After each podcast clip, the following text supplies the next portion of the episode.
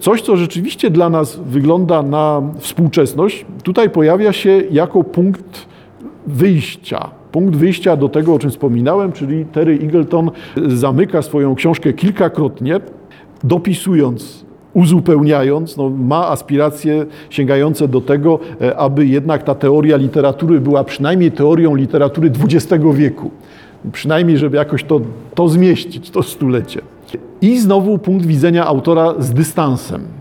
Książka ta została napisana w 1982 roku na granicy między dwoma bardzo odmiennymi dekadami. Nie mogła antycypować tego, co miało nadejść, ale nie potrafiła też procesów, jakie już zaszły w teorii literatury, uchwycić w świetle tego, do czego miały one doprowadzić. Czyli pokazuje to, że jesteśmy w jakimś momencie przełomowym. Coś tutaj uległo zmianie. Rozumienie jest zawsze w jakimś sensie retrospektywne. Co miał na myśli Hegel, zauważając, że sowa Minerwy wylatuje o zmierzchu? Jeżeli chcemy coś zrozumieć, to jednak nie rozumiemy tego, co się wydarzy w przyszłości, rozumiemy to, co jest faktem, to, co zaistniało. Więc musimy mieć przeszłość, dopiero wtedy rozumiemy. Nie można zrozumieć książki przed jej przeczytaniem. Trzeba ją przeczytać i w tym momencie dopiero pojawia się jakieś rozumienie, jakaś mądrość, skoro Minerva. Y, życie pośmiertne danego zjawiska jest częścią jego znaczenia, które współczesnym jawi się nieprzejrzyście. Wiemy więcej o rewolucji francuskiej niż wiedział Robespierre, że mianowicie doprowadziła ona ostatecznie do restauracji monarchii. No bo tego Robespierre nie planował, że król wraca. Jeśli historia postępuje naprzód, to wiedza o niej wędruje wstecz i pisząc o naszej najświeższej przeszłości, ciągle natrafiamy na siebie, natrafiamy na siebie idących w przeciwnym kierunku. W przeszłości odnajdujemy zawsze siebie, zawsze siebie, swój świat, swoje doświadczenia. Lata 70. XX wieku, przynajmniej ich pierwsza połowa, były dekadą nadziei społecznych, politycznej bojowości i zaawansowanej teorii. I teraz tu jest coś, co też z naszego punktu widzenia tego, y, no nie daj Boże, jeszcze pisania czy mówienia o historii Polski w tym ujęciu czysto martyrologicznym. Polska samotnie walczy przeciw złemu światu i tu mamy tylko polski punkt widzenia. To zauważcie Państwo, że to, co w Polsce rzeczywiście zaczyna się Gruzień 70 Gdańsk, e, Radon 76, e, czy wreszcie Solidarność w 80 roku, to dla tego amerykańskiego punktu widzenia też jest czas zmian.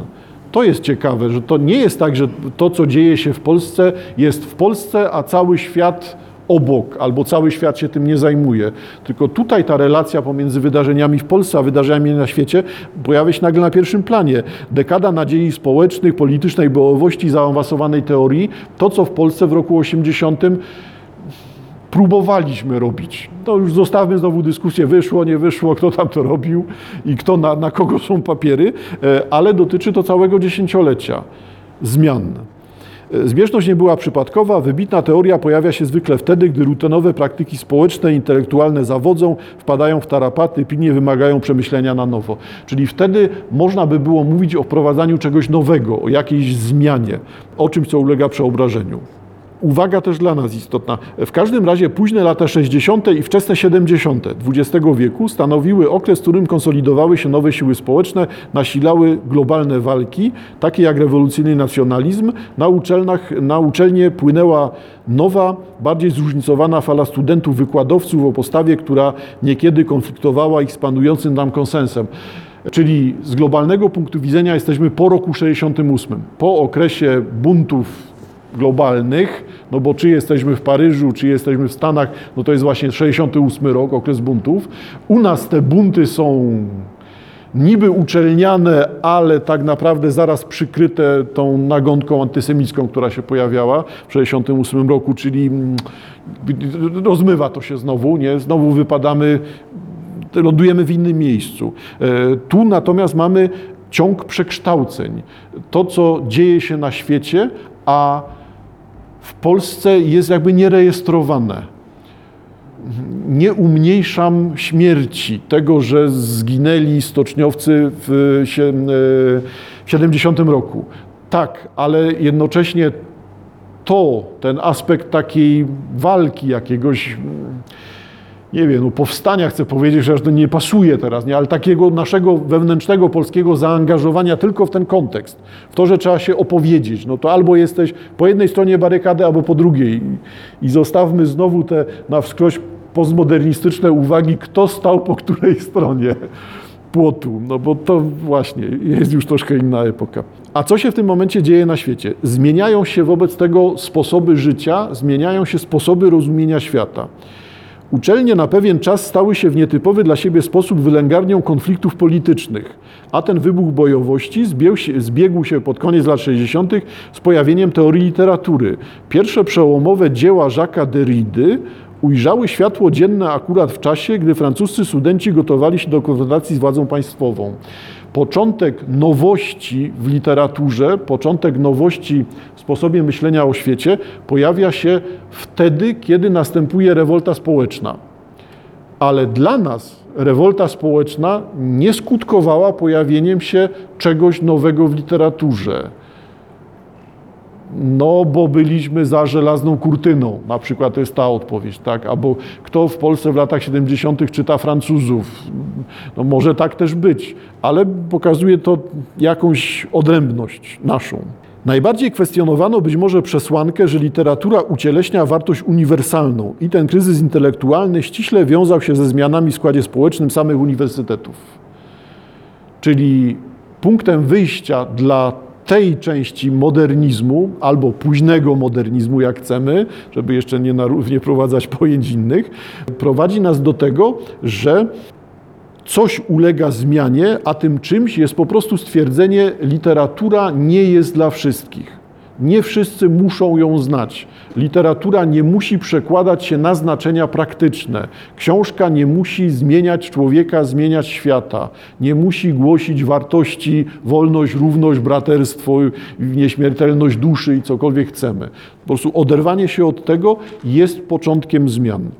Zaczyna to się pojawiać e, w kontekście kolejnego pojęcia, czyli dominującego wtedy, połowa XX wieku, druga połowa XX wieku, strukturalizmu. Całkiem inne podejście do literatury. Przestańmy zajmować się tym, czy literatura wychowuje, zacznijmy rozmawiać tylko o tym, jak ona jest zrobiona. Z czego to się składa, że akurat to jest dobre, a to nie jest dobre no to mamy ściśle strukturalne uwagi, czyli układamy literaturę i mówimy, to jest taki element, taki, taki. Jest narrator, jest narracja, ale jaki narrator, jaka narracja, które elementy na to wskazują, budują. Czyli takie grzebanie w szczegółach, mówiąc brutalnie, to nie jest mówienie o tym piękna, uduchowiona książka, która zmieniła moje życie. Wszystko to już poleciało właśnie. Zostało tylko to, z jakich kawałków zbudowane to jest, że tak działa. Strukturalizm doszedł na tej drodze do granic jeszcze bardziej prowokujących, gdy uznał, że zarówno jaźń, jak i społeczeństwo są po prostu konstruktami, którymi rządzą głębokie struktury z konieczności nieobecne w naszej świadomości. Czyli strukturalizm analizuje coś, co jest ramką, konstrukcją, zbiorem elementów powiązanych z sobą. Nazwij te elementy, uzyskasz wiedzę o świecie. Nic więcej nie ma. Nie ma nic więcej, są tylko te powiązane elementy. Nie ma czegoś, co jest wyższe, ponadczasowe, nieskończone. Nie istnieje. Istnieje tylko to, co jest namacalne. Czyli strukturalizm, tak rozumiany, występuje przeciwko humanizmowi. Nie ma w tym miejsca dla człowieka. Jest miejsce dla tego, kto potrafi określać podzespoły i dochodzić do tego, jak z podzespołów zrobić całość.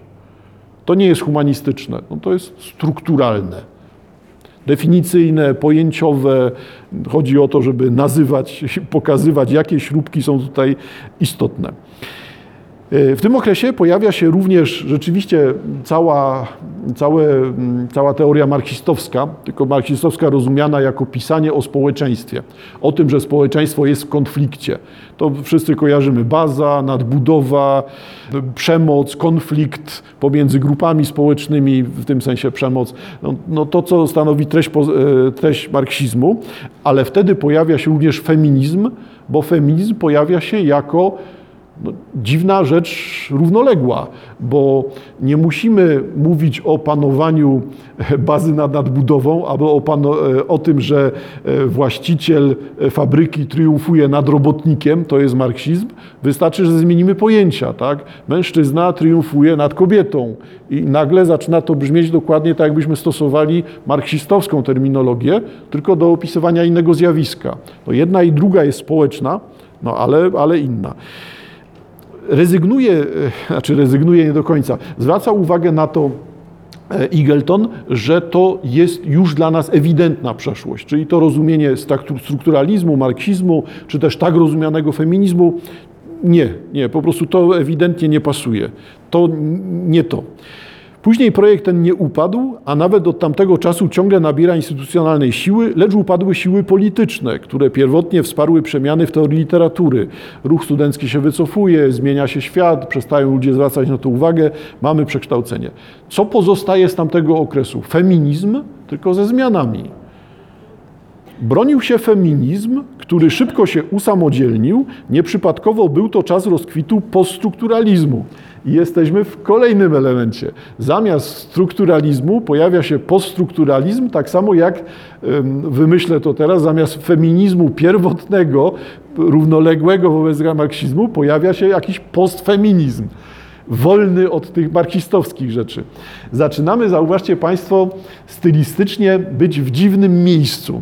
Czyli nie ma tu niczego, co powiemy, to jest pierwsze, to jest odkrywcze. Bo nawet mówiąc o modernizmie, wyglądało na to, że tego modernizmu to nie ma. Bo równie dobrze można powiedzieć, modernizm to jest to, co było przed antykiem. Nieokreślony, mgławicowy, brutalny świat wierzeń greckich, tam z przemocą, czernią, ciemnością, gwałtem, seksualnością, cielesnością, to wszystko jest przed antykiem. Wobec tego modernizm to jest to, co jest po antyku grecko-rzymskim, albo uparcie to, co było wcześniej. Najwyraźniej chodzi o jakiś model.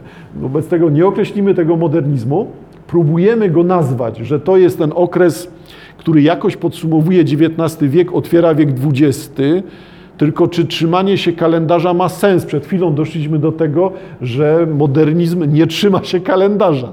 Jest po prostu pewnym typem przeżycia, doświadczenia świata.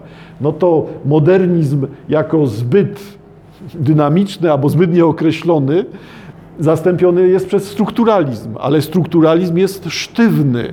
Strukturalizm jest totalny ze względu na to, że tutaj chodzi o to, chcesz być twórcą kultury, naucz się jakich śrubek i jakich elementów używać, jakiegoś śrubokręta, żebyś był twórcą kultury, bo kultura składa się ze struktur. Naucz się struktur, będziesz potrafił je budować to nie jest humanistyczne. Wygląda, że kultura powinna być humanistyczna.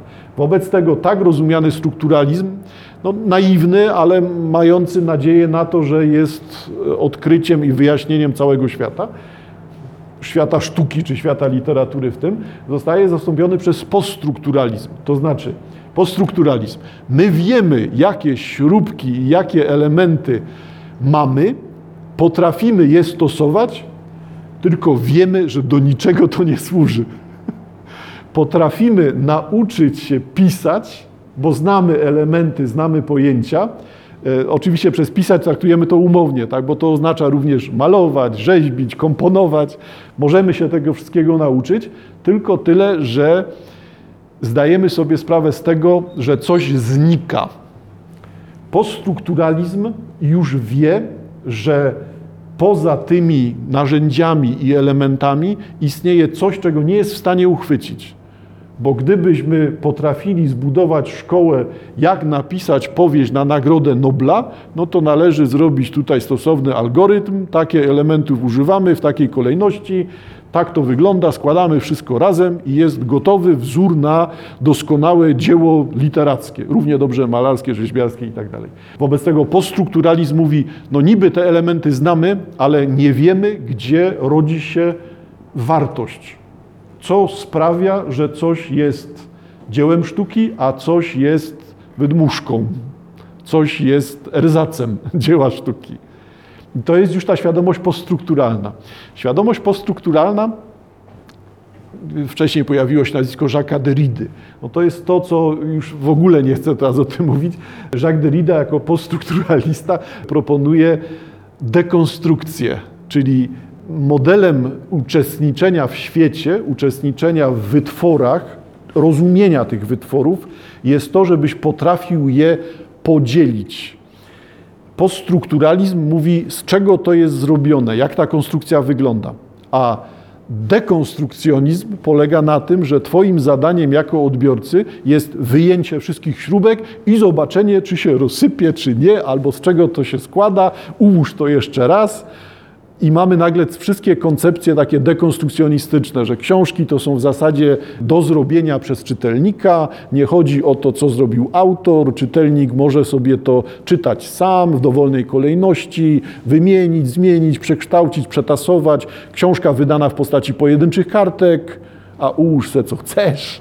No, jakby inne, inne podejście. I to jest rzeczywiście podejście dekonstrukcyjne. Ten dekonstrukcjonizm ląduje nam tutaj, czyli jesteśmy gdzieś w postmodernizmie. Tylko na razie jeszcze niezbyt wiadomo, co to ten postmodernizm ma być, skoro poststrukturalizm. Teorie feministyczne istnieją tutaj równolegle. Sięgnę do Eagletona, bo akurat w tym momencie dociera do próby bardzo wyraźnego określenia co to w ogóle jest feminizm i feminizm to nie jest bunt kobiet i, tylko przerywanie ciąży, nie, no ale część ludzi w Polsce może tak uważać, nie jest tak. Sięgamy do Eagletona.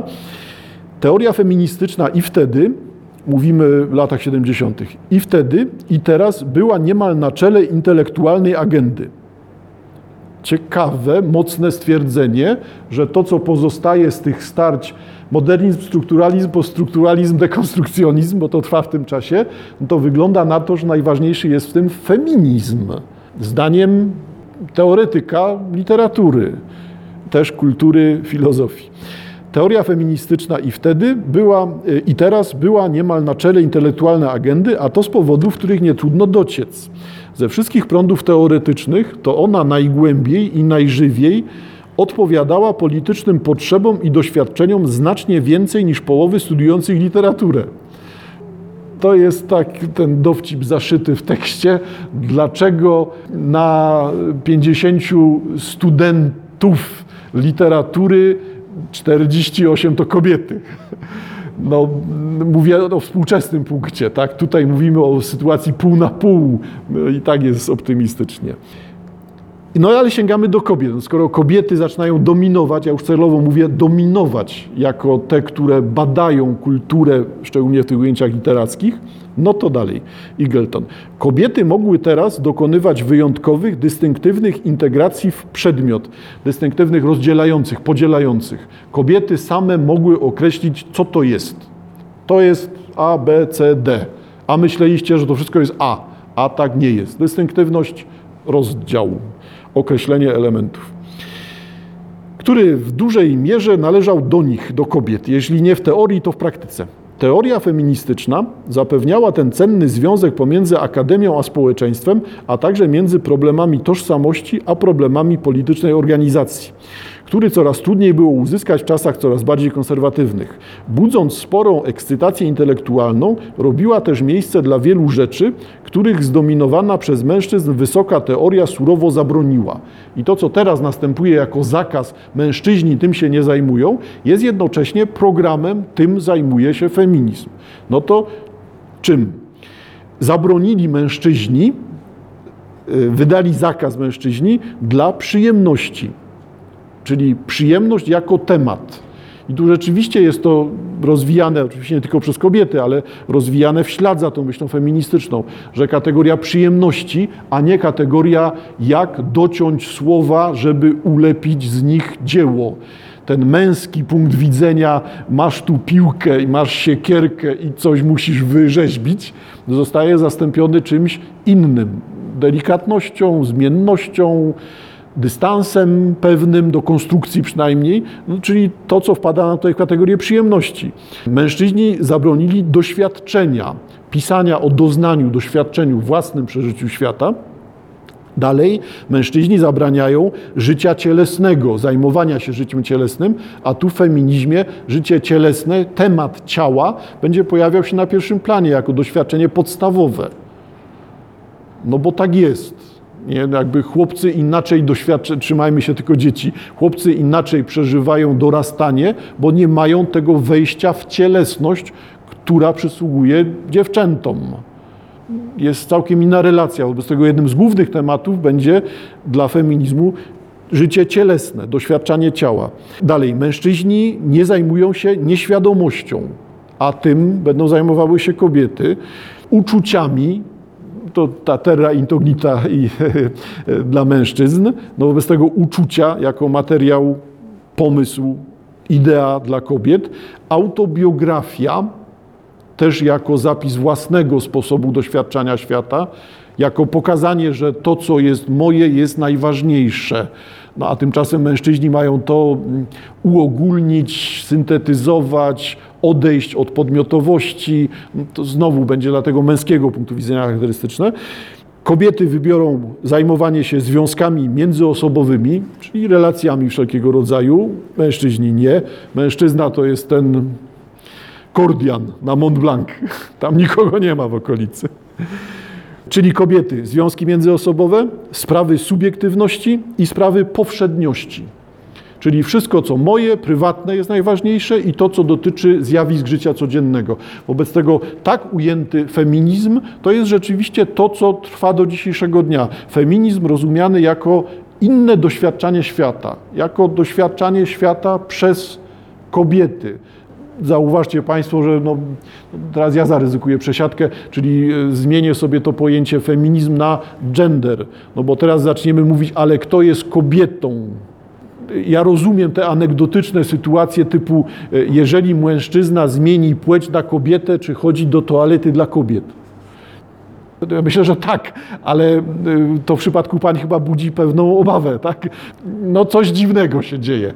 No, wobec tego anegdotyczny oczywiście przykład, ale pokazujący, że y, kategorie gender, one rzeczywiście wynikają z tego kilkudziesięcioletniego feminizmu zajmującego się tymi zagadnieniami. No, to jest też ta świadomość.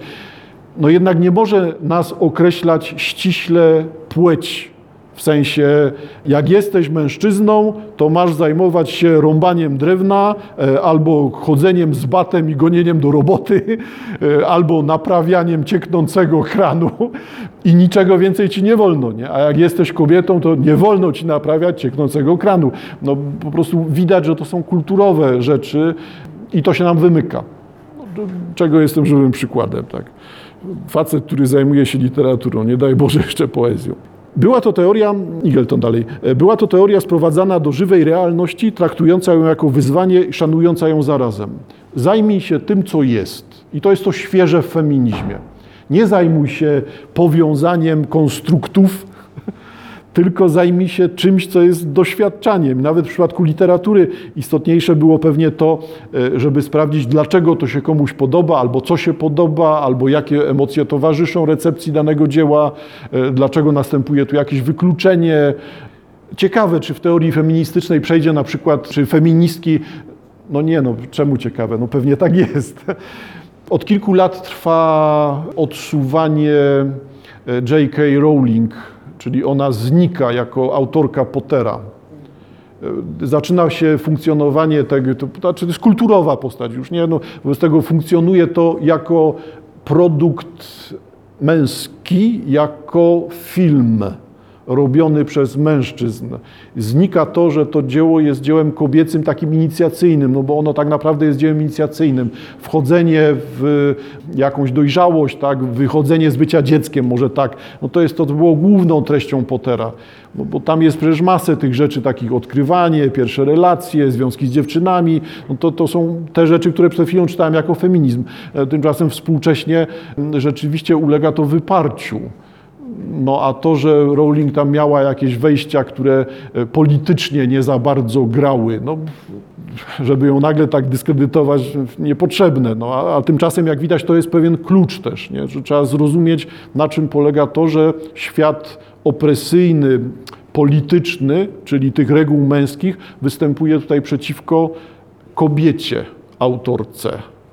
Nie, więc to nie kobieta tworzy Harry'ego Pottera, tylko raczej wszyscy macie pamiętać, że to jest coś, co wam daliśmy, zrobione w postaci cyklu filmów. Tam nie ma nic wcześniej.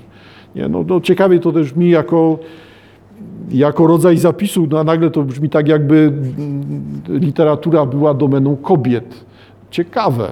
Ciekawe, bo to też może współcześnie nam wiele rzeczy tłumaczyć, tak, dlaczego ta literatura kobieca się właśnie rozwija tak, na tak wielką skalę.